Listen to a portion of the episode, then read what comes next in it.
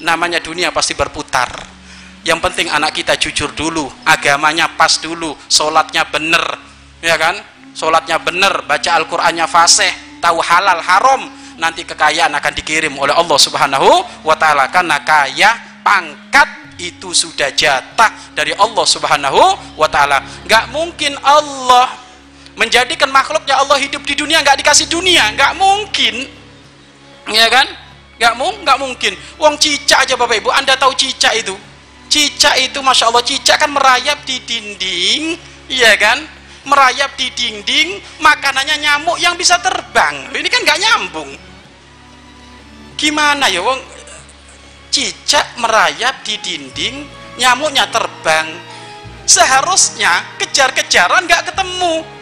Tapi bukan kejar-kejaran orang tua kami. Allah nyamperkan nyamuk iya kan nyamper ke nyamuk ya untuk mendekat ke cicak. Dan cicak ini lidahnya hebat panjang pisan itu. Ya kan?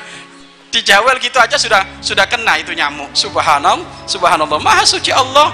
Di dalam urusan ris, rizki. Allah itu sangat memperhatikan rezeki urusan hamba-hamba hamba-hambanya